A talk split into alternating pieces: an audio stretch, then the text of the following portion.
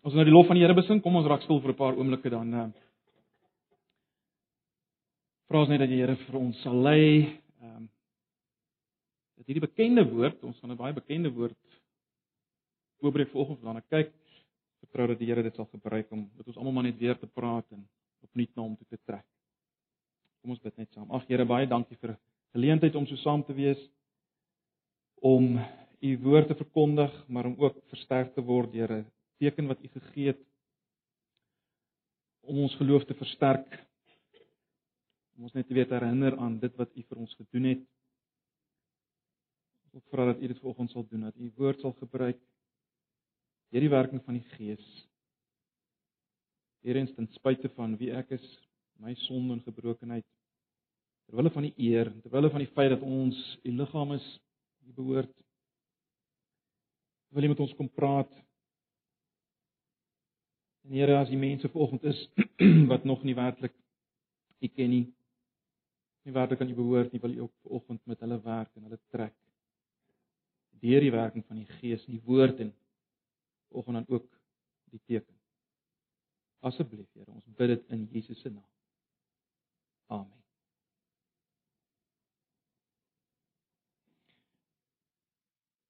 Nou ja, ons wyk natuurlik dan nou vanoggend af van ons uh, reeks se Markus. Uh en uh, ek wil hê ons moet blaai na Handelinge vanoggend, Handelinge 2, baie bekende gedeelte. Handelinge hoofstuk 2.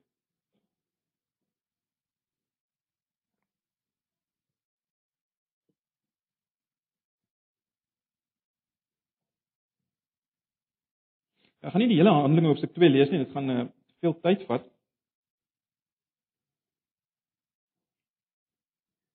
Wat ons maar net kry in die eerste vers is natuurlik wat gebeur het op Pinksterdag en dan vanaf vers 14 begin Petrus preek en sê wat hier gebeur het. Ek wil hê ons moet lees vanaf vers 22. Vanaf vers 22 van Handelinge hoofstuk 2. Kom ons lees van daar.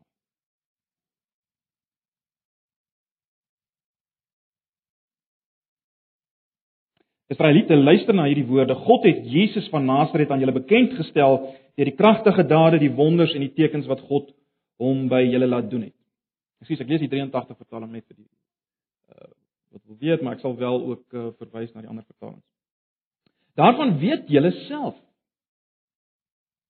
Vers 23 God het besluit en het vooruit bepaal om hom aan julle uit te lewer en julle het hom deur heidene aan die kruis laat spyker en hom doodgemaak. Maar God het hom van die smarte van die dood verlos en hom uit die dood laat opstaan. Dit was immers uit die uh, dit was immers vir die dood onmoontlik om hom gevange te hou. Van hom sê Dawid, ek het die Here altyd voor oë. Hy is aan my regterhand, ek sal nie wankel nie.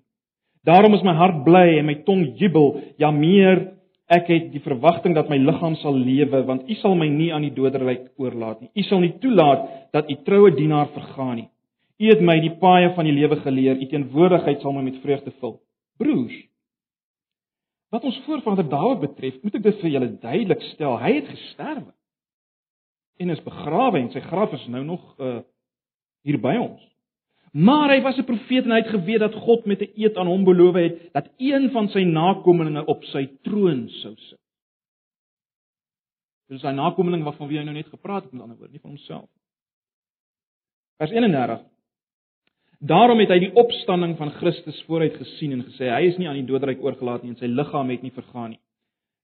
Vers 32. God het hierdie Jesus uit die dood laat opstaan. Daarvan is ons almal getuies. Hy is verhoog aan die regterhand van God En hy het die Heilige Gees wat beloof is van die Vader ontvang en uitgestort.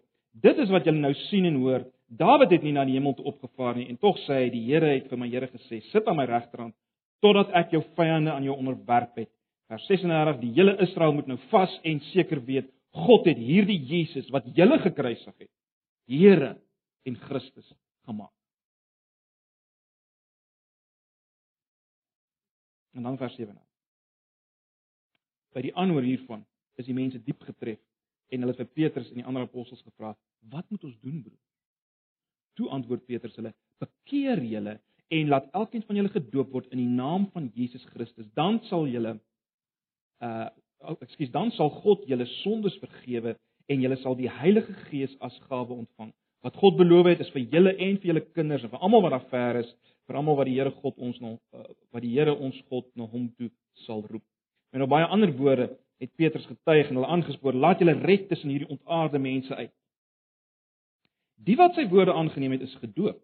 En omtrent 3000 mense is op daardie dag by die getal van die gelowiges gevoeg.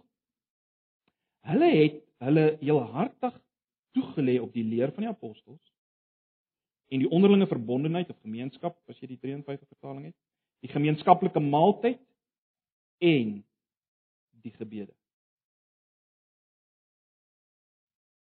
Kom net so ver lees. Nou, ons weet nou al ons is vanoggend hier om te aanskou hoe mense gedoop word en gaan deel word van 'n gemeente. Nou wanneer ek praat van die doop wanneer ons praat van die doop, dink ek daar's twee gevare vir ons. En as ek praat van ons, dan verwys ek nou spesifiek uh, na ons in die tradisie van die volwasse doop. Ek praat nie nou vanoggend uh, in die eerste plek eers met met die wat uh, in in die kinderdoop tradisie staan. Daar's twee gevare vir ons wat staan in die volwasse doop tradisie. Aan die een kant is daar die ouens wat te veel maak van die doop. En aan die ander kant is daar ouens wat te min maak van die doop. Die ouens wat te veel maak van die doop is die is die wat dink, wel, die doop is iets bonatuurliks. Iets amper magic, magies. Ek meen jy moet net in die water gaan en uitkom en en dan is jy werklik 'n Christen. Jy's op 'n bietjie op hoër vlak uh as die ander ouens om om jou nou uh jy sal die gawes van die Gees ontvang en dinge beleef. Uh jy sien jy moet jy moet jy moet net hierdie doop ding deur. Ons 'n soort van 'n wonderwerk plaas. Dis iets bonatuurlik. Jy sal jy sal makliker nou kan nee sê vir sonde. Jy sal nou oorwinnend kan lewe. Nou julle sal dadelik hoor die woordjie my ek van baie oor myself wat wat ek kan beleef. En nou ek is bevrees vanoggend kan daar sulkes onder ons wees wat wat hierdie hierdie siening het. Ek sê weer, ek dink hulle maak te veel van die doop. Maar dan is daar ouens wat te min maak van die doop. Dan is daar die mense wat te min maak van die doop. Dis die ouens wat doop sien as maar nog net een van daai goed wat gedoen moet word. Kyk, as baie sulke goed, né? Nee, ek meen uh jy moet skool toe gaan op 'n stadium of ten minste een of ander skool onderrig kry. Jy moet op 'n stadium eh, jou matriekeksamen skryf. Jy moet jy moet jou motorlisensie kry. Dis een van daai dis van daai dinge wat jy maar net jy moet dit maar net doen. Jy moet dit nou maar net doen. Jy moet dit agter die rug kry. So gou as moontlik moet jy dit net agter die rug kry dat jy kan aangaan. Maar niks verander eintlik aan jou manier van lewe na dit. Jy gaan maar net aan soos jy altyd aangegaan het. Niks verander regtig aan jou manier van lewe nie. Niks verander in jou lewe as gevolg van hierdie doop nie. Jy gaan maar net aan soos jy altyd aangegaan het. Maar hierdie ding is nou agter die rug. Jy jy's nou jy's nou daardeur. Nou kan jy na die volgende ding gaan wat dit ook al mag wees. En ek is bevrees daar kan ver oggend die sulkes wees wat so oor die doop. Nou broers en susters, ek dink die beste plek om te gaan kyk of ons reg dink oor die doop is is Handelinge 2 uit die gedeelte waar ons gelees het want hier kry ons die eerste doopgeleentheid na uh, Jesus se se opstanding in die hemelvaart en uh, ons kry ook hier die vorming van die eerste gemeente en daarom dink ek is 'n baie gepaste gedeelte, goeie gedeelte om na te kyk as ons praat oor die onderwerp. Nou, ons gaan kyk na Handelinge. Uh, maar julle sal weet Handelinge gee eintlik net van ons 'n verslag van dit wat hier gebeur en daarom is dit nodig om te kyk ook na ander gedeeltes waar uh, daar bietjie meer verduidelik word dit wat hier gebeur. Uh en ek gaan dit probeer om dit te beperk ter wille van tyd, maar ons gaan wel ek dink na twee gedeeltes kyk wat vir ons gaan help om om te verstaan wat hier gebeur. Wat vir ons verduidelik wat hier gebeur. Maar kom ons kyk eers net wat sien ons hier op die oppervlak. Kom ons kyk na hierdie preek van Petrus. Ons nou nie die hele een gelees nie, maar uh ons het wel 'n gedeelte daarvan gelees. Belangrik, hierdie preek vind plaas na die uitstorting van die Heilige Gees En uh belangrik vir ons in in hoofstuk 4 ag in vers 14 tot 21 van hoofstuk 2 uh maak Petrus baie duidelik dat dit wat gebeur het uh is beloof in die Ou Testament. So dit val nie uit die lug uit nie, dis beloof in die Ou Testament. Dit staan in verband met die Ou Testament. En dan in vers 22 herinner hy hierdie ouens daaraan dat hulle weet van Jesus. Jesus het onder hulle wonders gedoen. Hulle weet van hom. In vers 23 wys hy daarop dat Jesus se kruisiging deur God bepaal en beplan is, maar uh met ander woorde was nie 'n ongeluk nie, belangrik, dit was nie 'n ongeluk nie, maar hy wys ook dat hulle skuldig staan aan sy kruisiging. Hulle het hom gekruisig deur die hande van heidene.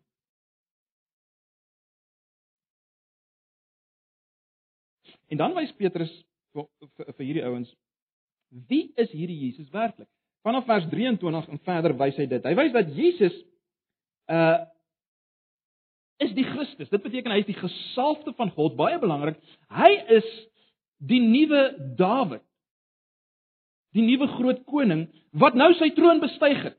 Hy het sy troon nou bestyg uh, met die opstanding dat hy gaan sit op sy troon. Dis die hele punt van daai hele gedeelte wat ek gelees het, uh, wat aanhaal uit die Ou Testament. Met die opstanding het Jesus gaan sit op sy troon.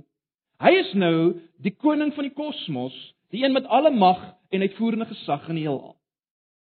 Dis wat Petrus hier wys, né? En hy hy kom en dan herinner hy in vers 36 weer vir hulle daaraan dat julle het hom gekruisig. Julle het hom gekruisig. Kyk net weer na vers 36. Die hele Israel moet nou vas en seker weet God het hierdie Jesus wat julle gekruisig het, Here en Christus gemaak. Hy's Here en Christus. Dit beteken man eenvoudig te stel, hy's baas. Hy's absoluut in beheer. Hy's die grootste gesag. God het hom die grootste gesag gegee. Hierdie Jesus. En jy het hom gekruis.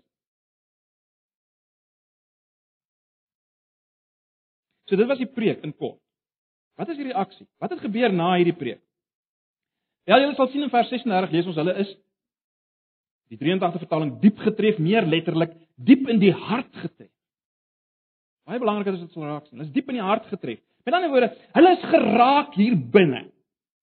Ons het nou verlede Sondag oor die hart gepraat, né? Nee uh daar is hy diepste jy. Of as jy wil is jou dis jou denke, jou verstand, dis jou binneste. Dis dit is wie jy is. Daar is hulle getref. Met ander woorde, dit was nie maar net nog 'n preek van nog 'n ou wat hulle geluister het, uh nog 'n ou wat gepraat het en hulle moet nou maar net klaar kry nie. Nee nee, terwyl hierdie ou gepraat het, is hulle in die harte gegryp in so 'n mate dat hulle besef het ons kan nie aangaan soos ons aangegaan het nie. Dis belangrik. Ons kan nie aangaan soos ons aangegaan het nie. Dis wat hulle besef het toe hulle geluister het na hierdie boodskap van Petrus. En daarom roep hulle uit, sou julle gesien het, wat moet ons nou doen? In die lig van wat jy nou sê Petrus, wat moet ons doen?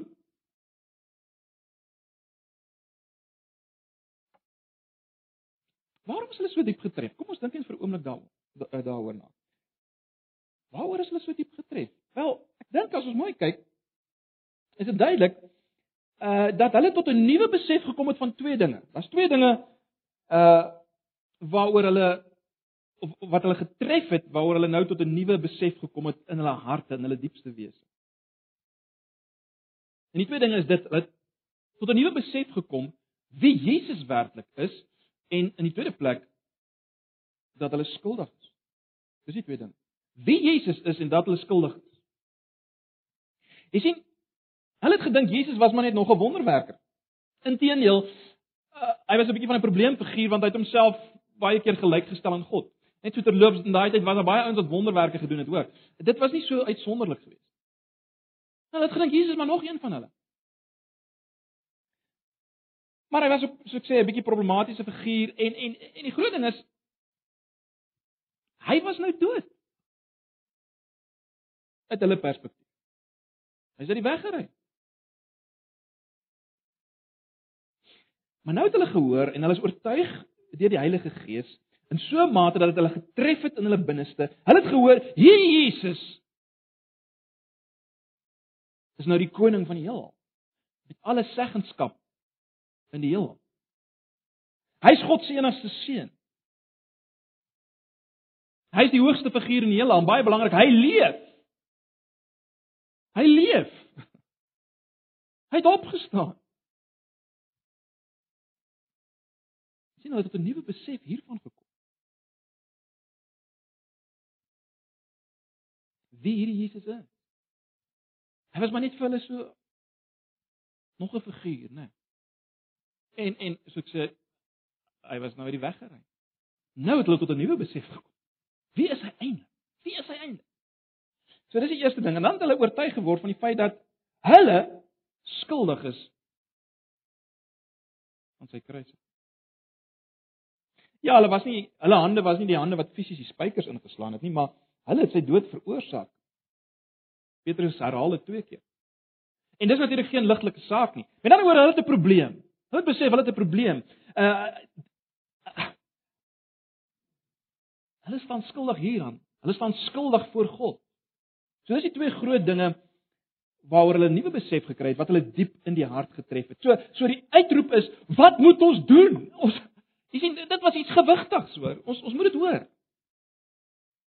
Probleem gaan. Wat moet ons doen? As hierdie Jesus is wie jy nou sê is Petrus en ons is in ons harte oortuig daarvan deur die Gees nou en en en as ons skuldig is aan dit wat jy sê ons is skuldig, wel, wat moet ons doen? So dit was die reaksie. Kom ons kyk nou na die opdrag. Die opdrag dan van Petrus se kant is baie duidelik. sien julle dit? Bekeer julle en laat elkeen Dis daar vers 36. Bekeer julle en laat elkeen van julle gedoop word in die naam van Jesus Christus en God sal julle sondes vergewe en julle sal die Heilige Gees as gawe ontvang. Dis die opdrag.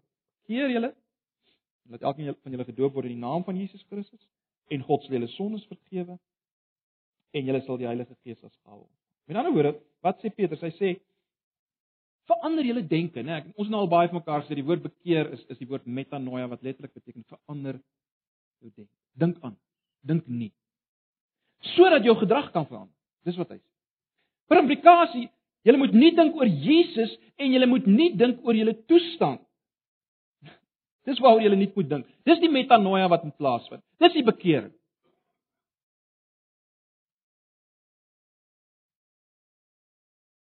Julle is skuldig aan hoogverraad van moord op God se seun en julle die hoogste figuur in die hele heelal nodig om julle dit te vergewe. Julle het nodig om vergewe te word. En daarom laat julle gedoop word vers 38 en vers 1 en vers 40 laat julle red uit hierdie verkeerde geslag of verdraaide geslag afhangende van watter vertaling jy het. Laat julle gedoop word. En laat julle red. Ekskuus, ek het net gesê vers 36 daai vers oor was vers 38. Kan jy my so lekker sien hier van bo? Vers 36 gewees, die die vers waar hy sê uh bekeer julle en laat elkeen van julle gedoop word, dis vers 38. Maar goed, waarom hierdie hierdie oproep?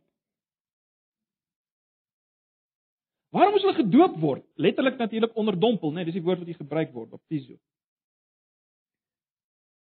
Laat julle onderdompel word en dan sê hy dan sal God julle sondes vergewe. Hoe hoe moet ons dit verstaan? Dis tog 'n snaakse opdrag. Hoekom hierdie fisiese handeling as jy wil? Uh is dit die ding wat hulle sondes vergewe? Hierdie water, hierdie ingaan in die water en uitkom, is dit die ding wat hulle sondes vergewe? Hoekom word nie niks gesê van geloof nie? Is geloof nou nie meer belangrik nie of was dit nie belangrik? Hoekom sê Petrus nie bekeer en glo? Dis die vragies wat ons onsself moet afvra. Wel, om dit alles te verstaan, is dit belangrik om in die eerste plek hierdie frase in die naam van Jesus Christus raak te sien in vers 38, né? Nee, bekeer julle en laat elkeen van julle gedoop word in die naam van Jesus Christus.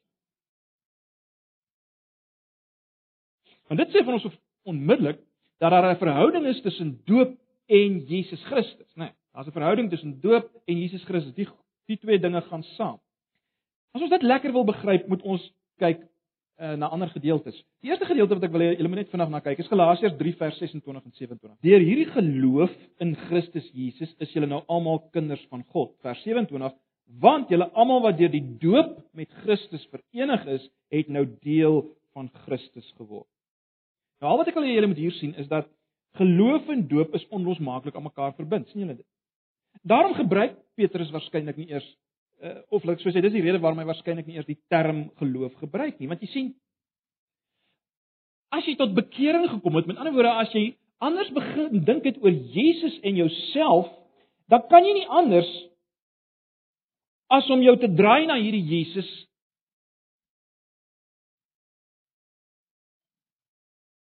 En as te ware aan hom vashou as die enigste een wat jou kan vergewe, jou kan red nie, né? Nee. En dis geloof. Jy sien, dit is onlosmaaklik aan mekaar verbind. En en die doop is eintlik niks anders as hierdie geloof in sigbare vorm nie. Geloof wys dat jy oortuig is wel net hierdie Jesus kan my vergewe. Net hy is in staat om dit te doen. Om die waarheid te sê, met die doop wys jy dat jou vertroue in Jesus is so sterk dat jy Jesus as te ware aantrek. Waar kry ek dit? Wel, die die letterlike vertaling van vers 27 van Galasiërs 3 uh klink so, daar staan julle is met Christus Jesus bekleë. Aan die ander woord letterlik julle het hom aangetrek. Die 83 vertaling praat van uh julle is met Christus verenig. Maar letterlik staan daar julle is met Christus bekleed. Aan die ander woorde julle het Jesus aangetrek. Dis wat daar staan. Nou om te verstaan hoekom Paulus praat van julle het Christus aangetrek. Uh die agtergrond daarvan uit die Ou Testament uh die aantrek van klere of van nuwe klere was gewoonlik die aanduiding van 'n verandering wat plaasgevind het. Dan het jy ander klere aangetrek, iets anders aangetrek. Uh daar's baie gedeeltes wat daarna verwys, Jesaja 52 vers 1, Jesaja 61 vers 10, Sagaria 1 vers 1 tot 5 en so meer. Belangrike ding is uh die aantrek van nuwe klere het gesê daar het 'n transformasie plaasgevind, 'n verandering plaasgevind. Hoe pas dit in by die hele gedagte van doop, die onderdompeling? Wel, uh in die apostoliese tye en eintlik vir die eerste 3 eeue in die kerk, uh het mense letterlik hulle klere uitgetrek as hulle gedoop is en as hulle dan nou uitkom uit die water het hulle nuwe klere aangetrek. Wat is die simbolisme daarvan? Waarvoor staan dit? Wat het dit gesê? Wel dit het gesê net soos ek my klere uitgetrek het, het ek my ou lewe uitgetrek En net soos ek nou nuwe klere aantrek nadat ek gedoop is, so trek ek Jesus Christus aan. Net as ek Jesus Christus aangetrek het.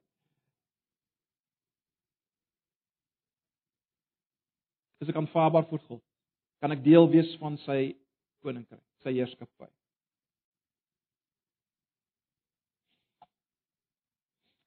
En dan oor julle kan sien, 'n mens kan eintlik nie sterker sê Ek glo in Jesus as deur jou te laat doop. En daarom sê Petrus op Pinksterdag net dat hulle gedoop moet word.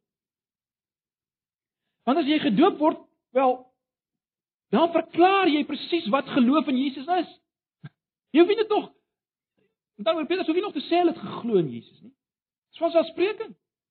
Want jy verklaar dit deur hierdie fisiese ding wat jy doen dat jy jy glo in Jesus. Jy trek hom aan. Daar's nog 'n gedeelte wat wat dit kragtig stel en dis Romeine hoofstuk 6.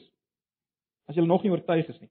En en ons het dan na hierdie gedeelte gekyk, so ek gaan nou nie baie lank daarby stil staan nie. Wonderlike, Romeine 6 is 'n wonderlike gedeelte. Maar nou ja, as Here wil, sal ons uh uh nog Romeine behandel in die gemeente.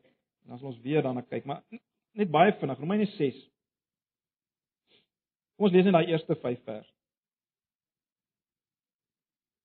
Op eerste 6 vers. Romeine 6 vers 1. Wat moet ons nou hiervan sê? Moet ons aanhou sonde doen sodat die genade kan toeneem? Beslis nie. Hoe kan ons wat dood is vir die sonde nog daarin voortleef? Of weet julle nie dat ons almal wat in Christus Jesus gedoop is in sy dood gedoop is? Deur die doop is ons immer saam met hom in sy dood begrawe, sodat soos Christus deur die heerlike magsdaad van die Vader uit die dood opgewek is, ons ook so 'n nuwe lewe kan lei. Aangesien ons met hom een geword het in sy dood, sal ons sekerlik ook met hom een wees in sy opstanding. Waaroor gaan dit hier? Wel, in die eerste plek uh praat Paulus natuurlik met hierdie ouens in die lig van wat hy nou alreeds gesê het, dit gaan oor die hele saak van regverdigmaking deur die geloof. Met ander woorde dat jy in die regte verhouding met God kan staan deur te vertrou in Jesus. Dis waar, waar dis dis die konteks, die agtergrond, né? Nee. Uh en, en nou wil hy vir hierdie ouens sê, wel, as julle redeneer, dit maak nie saak hoe ek lewe nie, ek kan maar aangaan met sonde want ek word mos nou gered deur Jesus. dan julle dit mis, dan verstaan julle nie wat ek nou tot nou toe in die boek Romeine vir julle probeer sê het nie. Hoekom nie? Want hy sê vir julle, julle moet verstaan, julle as Christene, julle wat in Jesus alleen vertrou, is eintlik dood vir sonde. Dis wat hy sê in vers 2, sien julle dit? Hoe kan ons wat dood is vir die sonde? Wat beteken dit? Beteken uit God se perspektief is 'n Christen iemand wat dood is vir die sonde.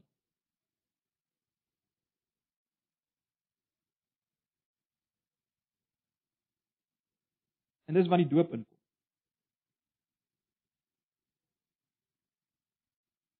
Die doop wys dit. Die doop is die bewys daarvan dat toe Jesus gesterf het, toe die mens wat ek was, die mens wat skuldig is aan die dood van Jesus. Die mens wat skuldig is voor God, daai mens het gesterf toe Jesus gesterf het. Maar daar het 'n nuwe mens opgestaan, 'n mens wat vergewe is deur God, wat aanvaarbaar is vir hom, so seker soos Jesus opgestaan het. Dis wat Paulus probeer sê in hierdie gedeelte. Om dit eenvoudig te stel. Weereens, dis hoe julle julle bekleed met Christus, né? Nee. Galasiërs se gedeelte.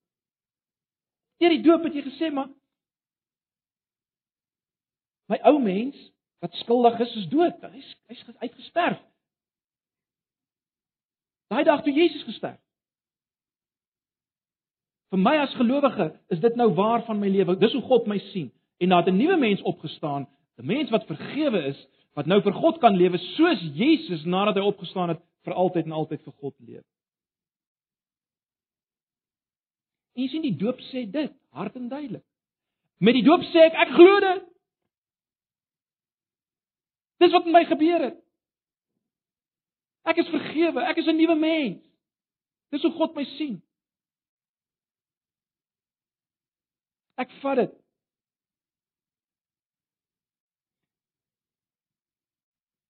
So ek hoop julle is oortuig van die nou verband tussen geloof en doop. En omdat dit natuurlik so is, is dit nie moeilik om te verstaan dat Petrus nou hier in Handelinge as as nou terug gaan na Handelinge, as eh, dit is nie moeilik om te verstaan dat Petrus sê kyk, julle sal die gawe van die Heilige Gees ontvang. Want wie is die Heilige Gees? Wel die Heilige Gees is nou Jesus by ons na Pinksterdag. Pinksterdag het gewys hy's nou hier. Jesus het as te ware teruggekom na ons toe as die Heilige Gees, as ek dit so kan stel, né? Nee. Die Gees is nou by ons. Let op, julle sou gesien het hierdie hierdie mense nadat hulle gedoop is, het hulle nie weer al die belewenisse gehad wat daar aan die begin van Handelinge beskryf word. Nee, hulle het dit nie weer beleef nie. Al daai snaakse dinge nie. Maar Petrus kan vir hulle die belofte gee dat hulle nou die Gees sal ontvang. Want die Gees het gekom. Al daai dinge wat gebeur het op die Pinksterdag, wys maar net die nuwe bedeling het aangebreek en uh, julle sal weet daar's geweldige Ou Testamentiese agtergrond uh, in hierdie gebeure. Ons nie nou tyd weer daarvoor. Die punt is die Gees het gekom. En daarom as julle julle bekeer en julle laat doop, kan julle weet julle sal die Gees ontvang. In die lig van alles wat ons nou gesê het oor die eenheid met Jesus, né? Dis 'n belofte, né? Kyk na vers 39. Wat vers 39 van hoofstuk 2. Handelinge hoofstuk 2. Wat God beloof het is vir julle en vir julle kinders en vir almal wat daar ver is, vir almal wat die Here ons God na hom toe sal roep. Met ander woorde, vir julle ouens wat nou hier is, die ouens vir wie hy gepreek het, as julle julle bekeer en laat doop, julle sal die Gees ontvang, julle nageslag, julle kinders, vir hulle geld dieselfde belofte en ook vir die heidene. Want die term die wat daar ver is, is natuurlik 'n algemene term wat gebruik is vir die heidene. En dit sluit vir my en jou in. Ons is deel van daai mense wat ver is. Uit 'n Joodse perspektief is ons deel van hulle. So die belofte is ook vir ons. Met ander woorde, as jy iemand is wat wat volgens hier sit wat beleef het dat die Here jou roep, jy het gesien die belofte is vir die wat die Here hom sal roep, die wat daar ver is wat hy sal roep. As die Here jou geroep het en jou gewerk het om jou te bekeer en gedoop te word, Wel, die belofte is jy sal die Gees ontvang. Dis 'n belofte. En dis 'n belofte van die hoogste gesag in die heelal. Jy kan dit vat, jy sal die Gees ontvang.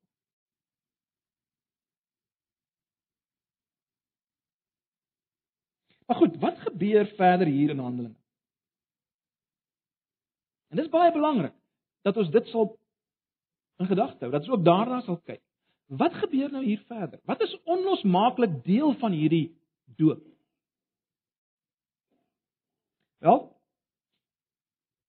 in vers 41 sien julle, as julle nou weer terug is by Handelinge 2. In vers 41 sal julle sien dat uh hierdie mense wat gedoop is, het hulle gevoeg by die ander gelowiges. Hulle het deel geword van die ander gelowiges, baie belangrik. Onthou in vers 40 het Petrus gesê hulle moes hulle laat red uit hierdie verdraaide of verkeerde geslag. En nou in vers 41 voeg hulle hulle self by die gelowiges. Baie baie belangrik.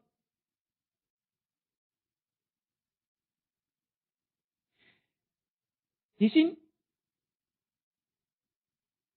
Die punt hier is dit, hierdie mense wat nou gedoop is. As hulle bekeer het en gedoop is en per implikasie met ander woorde glo in Jesus. Hierdie mense kon nie meer deel wees van die samelewing waarvan hulle deel was. Of as jy wil, die wêreld nie. Hulle kon nie maar weer hulle kan nie kon nie maar net wees soos hulle altyd was. Leef soos hulle altyd geleef het. Doen net wat die ander ouens gedoen het van wie hulle deel was. Hulle moes uit daai groep kom en deel word van 'n nuwe groep. Om dit eenvoudig te stel. Hulle was nou deel van 'n nuwe groep. En dan word jy word aan die een kant gered uit een groep, maar jy word nie net gered uit een groep nie, jy word deel van 'n ander groep. Beide is belangrik. Beide is belangrik. Baie baie belangrik. Julle sal weet gelowiges op ander plekke in die Nuwe Testament, ons het nie tyd om nou dit alles na te gaan nie, word genoem die liggaam van Jesus Christus. Gelowiges saam is is nou die liggaam van Jesus op aarde, sy hande, sy voete en so mee. En jy moet sigbaar daarvan deel wees as Christen. Dis die hele punt van die Nuwe Testament. En dis wat ons hier sien gebeur. En dit moet nie net wees in woorde nie, dit dit dit moet prakties raak, né? Nee. En dis wat ons nou kry vanaf vers 42. Wat het hierdie eerste gedooptes gedoen? Wat het hulle gekenmerk? Wel, in die eerste plek sou julle sien, hulle het volhard in die leer van die apostels of uh, as jy wil, hulle het hulle heel hartig toegelê op die leer van die apostels, afhangende van watter vertaling jy het. Hulle het volhard in die onderrig of lering van die apostels. Wat beteken dit? Wel, onthou nou, hulle het nog nie Nuwe Testamente gehad. Nog nie Bybels gehad.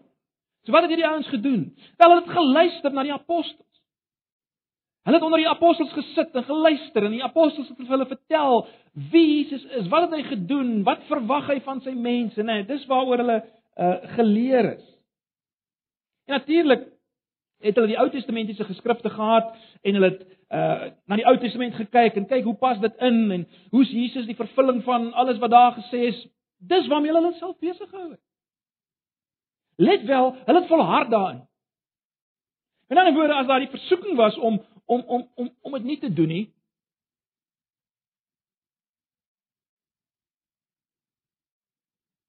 Om eerder iets anders te doen, dan het hulle dit gedoen. Hulle het volhard daar. En die blote feit dat hulle dit gedoen het was natuurlik 'n aanduiding van die feit dat hulle die Heilige Gees ontvang het. Want die Gees herinner aan die woorde van Jesus, né? Nee, ons weet dis wat hy kom doen volgens Johannes Evangelie. So dis die eerste ding wat hulle gedoen het. Die tweede ding wat hulle gedoen het, hulle het volhard in die Weerens afhangende van watter vertaling jy het, die gemeenskap of die onderlinge gebondenheid. Wat beteken dit? Dit beteken maar net hulle het nie net so nou en dan iewers 'n preek van die apostels bygewoon nie, nee, hulle was deel van die gelowiges. Hulle was daar waar die ander gelowiges was. Hulle het met hulle gepraat. Saam gehuil, saam gelag, saam gedagtes uitgeruil. Jy sien hulle was deel van hierdie nuwe groep mense, hierdie nuwe liggaam. Verloops, ons het al baie vir mekaar gesê in die Nuwe Testament bestaan daar nie so iets soos 'n Christen wat op sy eie iewers aangaan. 'n boodskappe luister, op die radio. Want deel van gered wees is deel wees van 'n nuwe gemeenskap.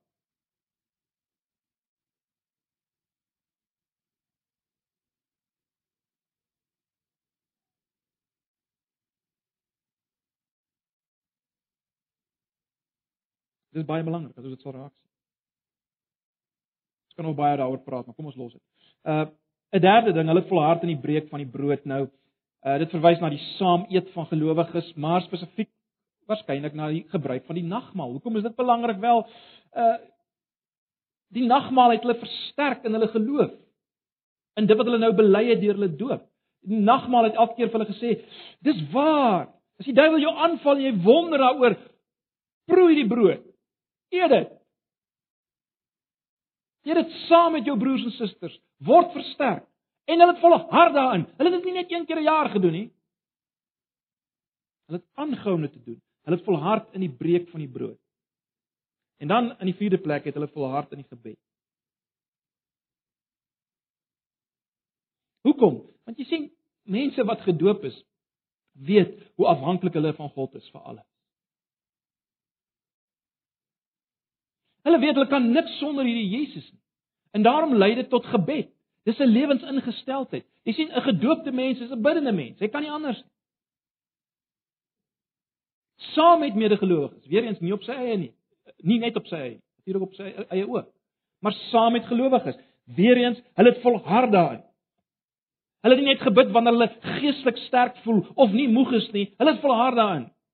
Hulle het gebid. Dit was 'n kenmerk van die eerste Christene die eerste gedoop is. Hulle het volhard in die gebed.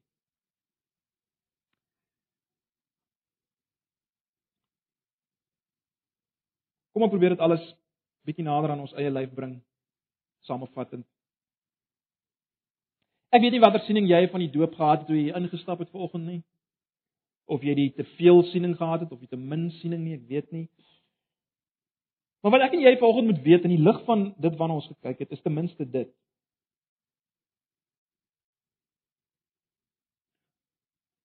Laat ek laat ek dit so stel. Ons moet weet doop is eintlik net doop as daar 'n paar dinge aanwesig is, lyk dit vir my. Doop is net doop as daar 'n paar dinge aanwesig is. Dit lyk vir my so. En die eerste ding is dit: mense wat gedoop is of gedoop kan word, is mense wat diep in die hart getref is. En daarmee sê ek nie dit moet net gebeur in 'n preek nie onder 'n boodskap nie, dit kan oor 'n tydperk wees, dit kan deur die lees van 'n boek wees, maak nie saak nie, maar iets daarvan sal waar wees van iemand wat gedoop is en gedoop kan word, is dat hy op 'n of ander manier getref is. Oor wat? Wel, oor wie Jesus werklik is en oor die feit dat hy 'n probleem het. Dat hy op sy skuldig staan. Dis baie belangrik. En daarom moet jy jouself vanoggend afvra, jy wat hier sit, moet jouself afvra, het ek al besef dat Jesus die magtigste wese in die heelal is? Vir wie ek eendag sal moet verskyn, so seker soos ek op hierdie stoel sit, sal ek vir hom verskyn en ek sal aan hom verslag gee. Hy is die een met alle mag. Ek kan hom nie uitskakel nie. Ek kan hom nie ignoreer nie. Hy leef. Is jy oortuig hy leef? Dis die vraag wat jy self moet En baie belangrik het jy al besef dat dit jou sonde is wat hom vasgespijker het teen die kruis. Dis dis dis die punt hier, is dit nie? Jy staan skuldig as jy dit so wil stel aan sy moord. Dis hoekom hy gesterf het. En elke dag wat jy lewe met uh, of as ek so stel, elke dag wat jy 'n lewe leef wat nie aan hom behoort nie, wat hom nie groot maak nie, dan sê jy per implikasie weer kruisig hom, kruisig hom en so seker as wat jy hier sit, as hy vandag sou verskyn en jy geleef het, sou jy deel gewees het van die wat hom kruisig as jy nie nou vir hom leef nie. As hy nie nou vir jou die hoogste gesag is nie, dan sal jy hom weer gekruisig. Dis die punt. Het jy dit al gesien? Het jy dit al besef? Dis die vraag wat jy jouself moet afvra. In 'n minder of meerdere mate. Almal beleef nie die dinge op presies op dieselfde eh, met dieselfde intensiteit of dieselfde oor dieselfde tydperk nie, maar jy hoor wat ek sê. Daar moet iets daarvan wees. Iets van 'n besef van wie is Jesus en ek is skuldig. Ek het vergifnis nodig. So dis die eerste ding. 'n Tweede ding wat ons mekaar moet sê is dat mense wat gedoop is of gedoop kan word, is mense wat tot bekering gekom het. Kan nie anders. 'n Bekering wat onlosmaaklik is aan geloof. En daarom moet jy jouself die vraag vra, het ek al tot bekering gekom? So eenvoudig soos dit. Weerens maak nie saak of dit oor 'n tydperk was.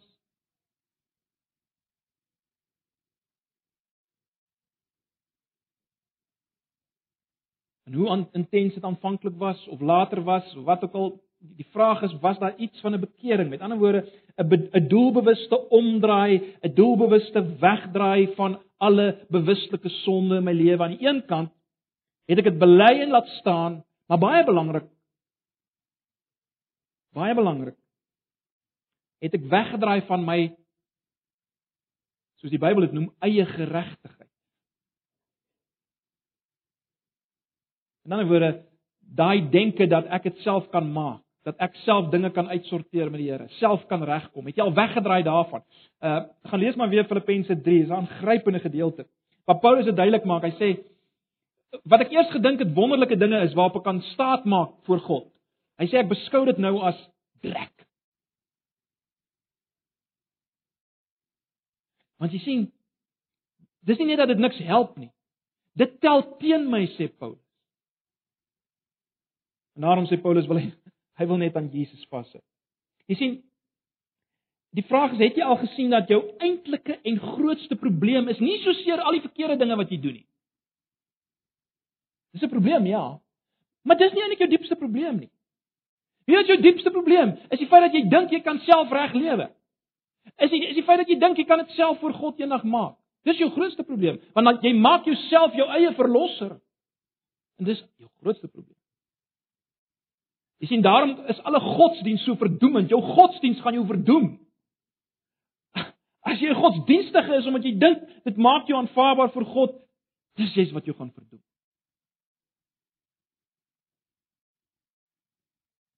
Of jy maak op Jesus alleen staat en wys dit deur die doop of jy maak nog op jouself staat en jy gaan dit nie maak al jou gebede en al jou erediens bywoning en Bybel lees dit tel nie niks nie dit tel teen jou as jy daarop vertrou om jou aanvaarbaar te maak vir God. Of Jesus of niks. Dis die hele punt van doop né? nee.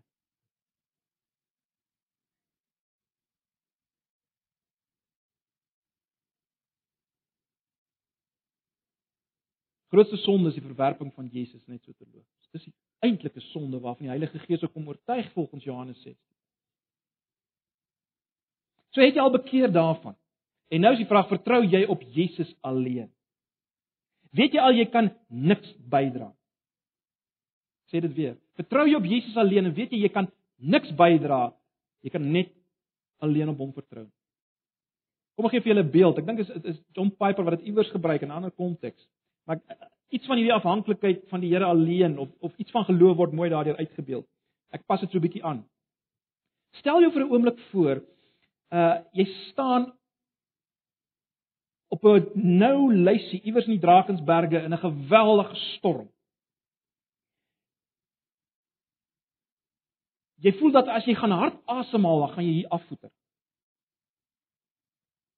Stel jou voor, geweldige storm, die wind ruk aan jou. Jy Jy voel as jy net gaan hard asemhaal, gaan jy hier afstort.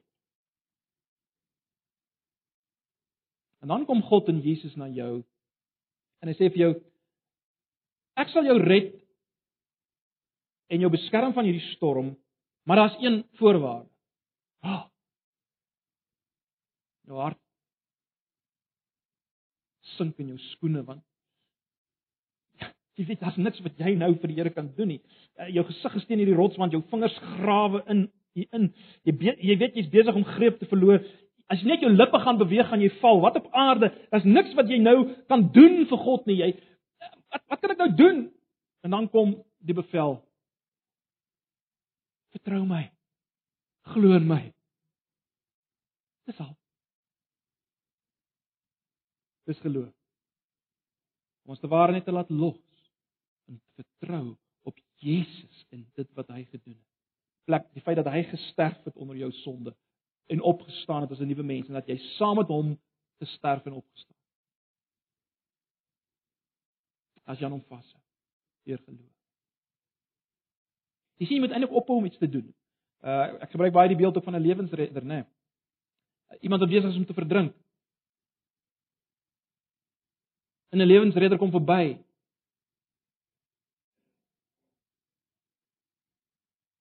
Wat is jou enigste hoop?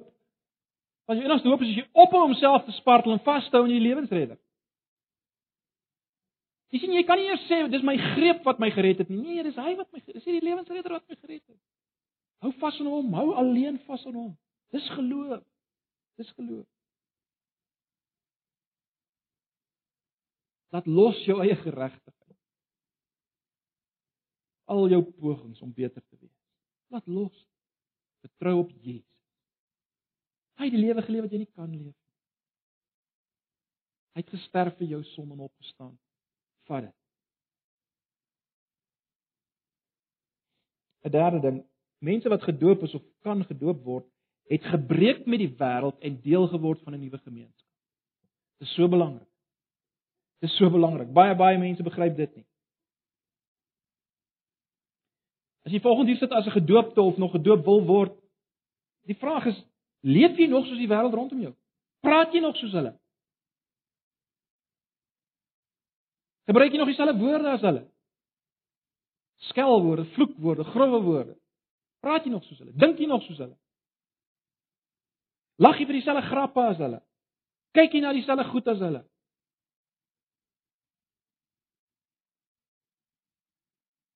Leef jy ook maar nog net vir geld soos hulle? Dis die vraag wat jy jouself moet afvra. Of is daar iets anders? Het jy uitgekom daai? Dis die vraag. En baie belangrik nou aan die ander kant, het jy deel geword van 'n nuwe gemeenskap? Dis die vraag wat jy jouself moet afvra. Het ek al regtig deel geword van 'n nuwe gemeenskap? 'n Nuwe gemeenskap waar ek besig is met die bestudering van die woord, waar ek gemeenskap het, met ander woorde, deel met medegelowiges, saam met hulle bid en eet en huil. Is gebed 'n kenmerk van my lewe? Saam bid. Dis die vraag wat jy myself afvra. Het ek al deel geword van so 'n gemeenskap? Of is ek is ek nog heeltemal op my eie? En woon ek maar net so nou en dan 'n diens by? Dis die vraag wat jy jouself moet afvra. Jy sal weet waar jy jouself vanoggend bevind. Ek vertrou jy sal nou weet of jy te veel maak van die doop. En of jy dalk te min maak van die doop. En ek hoop ons verstaan vanoggend hoe kardinaal belangrik is dit. Wat ek daarmee sê, wat ek daarmee bely.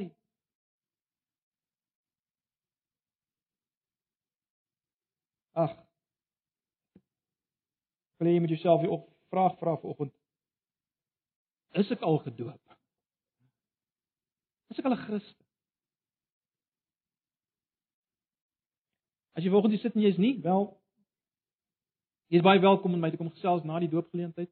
Ons gaan nou 'n doopgeleentheid hê waar daar twee persone is wat dit wat ons nou gesê het wil sê. Uh deur hulle doop. Kom ons bid saam en dan gaan ek geleentheid gee vir hulle om uh, net 'n baie kort getuienis te gee en daarna sal ons uh, oorgaan tot die dood. Kom ons bid net saam. Here, dankie vir u woord. Wat ons kan gebruik as 'n riglyn om iets te verstaan van dit waarmee ons op vanoggend gaan besig wees. Here, wil U ons oë al meer daarvoor oopmaak?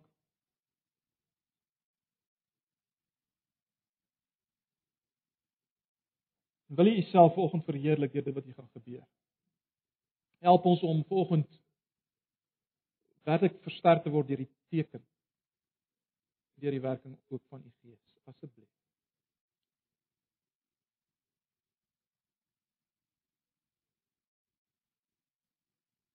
Ons vra dit net in Jesus se naam. Amen.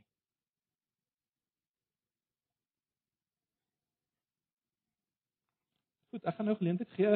Ehm um, miskien eers vir dit of jou vra net kort getuienis te gee.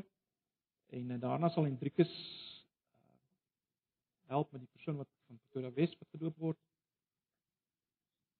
Môre ehm um, ja, ek uh, het groot geword in hierdie gemeente en uh van kleins af my uh ma en my pa het uh, 'n goeie werk gedoen om my dissipline te leer so aan. En van kleins af het ek gevoel as ek nie Sondag nie of as ek my eie reëls volg dan sal ek alright wees en ek het groot geword ek het baie Bybel gelees ek het teoretiese kennis opgedoen ek het ek het gevoel asof ek niks son nie ek het reg op myself vertrou en ek het geglo ek is eintlik alright in die oë van Jesus as ek myself vergelyk met ander mense. En ek het eendag gekom en gedink daaroor en ek gesien hoe verkeerd dit is en dat ek nie op myself kan vertrou nie en dat ek net deur Jesus Christus verlos kan word.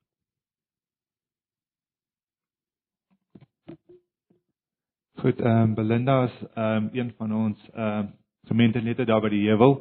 Gaan ook net kortliks haar getuienis vir julle gee. Goeiemôre almal.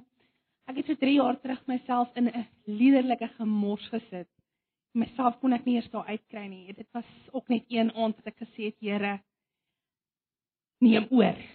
En hy het totaal en al volkome oorgeneem en van daar af ek het pad met die lewe by die Here gestap en ek het so baie geestelike mammas en pappas daar by die heuwel wat my gereeld besoek en Driekus is een van hulle en oom Hendrik en tannie Susie en ehm um, tannie Louise van Lig en hulle het maar my so half onder die duim om seker te maak dat ek aan die Here gehoorsaam bly. En vandag sê ek net Here volkome behoort ek aan U en volkome maak ek op u staat. Die eie ek is iets van die verlede en ek was so vol daarvan gewees. So vandag is dit net die eie ek is begrawe finaal. Sy is dood. Vandag leef ek vir Jesus van vorentoe vir Jesus. Baie dankie Belinda.